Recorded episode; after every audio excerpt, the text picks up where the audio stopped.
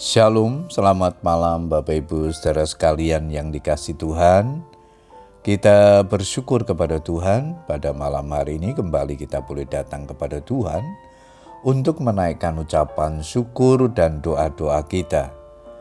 Malam hari ini sebelum berdoa saya akan membagikan firman Tuhan yang diberikan tema Tuhan membenci kemunafikan. Ayat mas kita di dalam Matius 7 ayat yang kelima Firman Tuhan berkata demikian, Hai orang munafik, keluarkanlah dahulu balok dari matamu, maka engkau akan melihat dengan jelas untuk mengeluarkan selumbar itu dari mata saudaramu. Bapak Ibu saudara sekalian, orang Farisi dan Saduki merupakan orang-orang yang mengerti betul tentang hukum Taurat, tetapi mereka sendiri tidak melakukan Taurat itu. Tuhan Yesus menggambarkan bahwa keadaan mereka sama seperti kuburan yang dilapur putih, yang sebelah luarnya memang bersih tampaknya, tetapi yang sebelah dalamnya penuh tulang belulang dan berbagai jenis kotoran. Matius 23 ayat yang ke-27. Karena itu Tuhan menyebut mereka sebagai orang-orang yang munafik dan Tuhan Yesus sangat membenci akan hal itu. Arti kata munafik adalah berpura-pura percaya atau setia kepada agama atau sesuatu, tetapi sebenarnya dalam hatinya tidak. Orang munafik suka mengatakan sesuatu yang tidak sesuai dengan perbuatannya atau bermuka dua.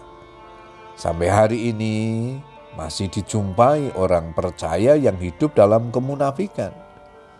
Pada waktu di gereja tampak sekali rohani, tampak beribadah dan melayani Tuhan dengan sungguh-sungguh.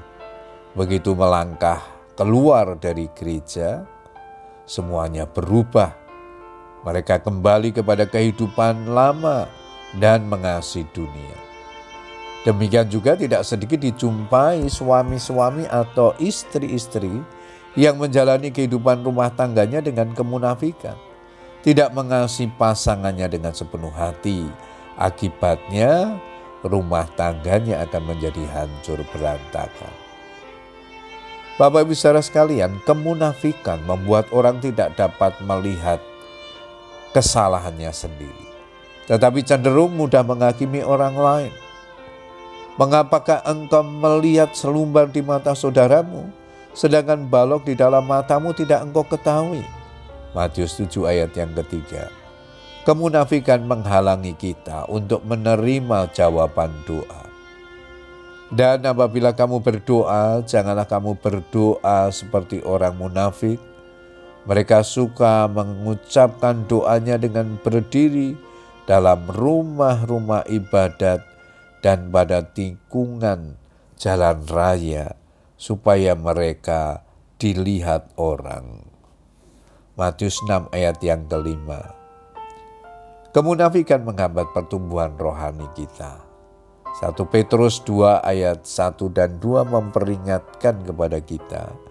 Karena itu buanglah segala kejahatan, segala tipu muslihat dan segala macam kemunafikan, kedengkian dan fitnah, dan jadilah sama seperti bayi yang baru lahir, yang selalu ingin akan air susu yang murni dan yang merohani, supaya olehnya kamu bertumbuh dan beroleh keselamatan. Bapak Ibu saudara sekalian, ketika kita ingin menjadi orang-orang percaya yang sungguh-sungguh di hadapan Tuhan, buanglah kemunafikan dan hiduplah dengan kesetiaan, hiduplah kebenaran di dalam Tuhan. Puji Tuhan, selamat berdoa dengan keluarga kita. Tuhan Yesus memberkati kita semua. Amin.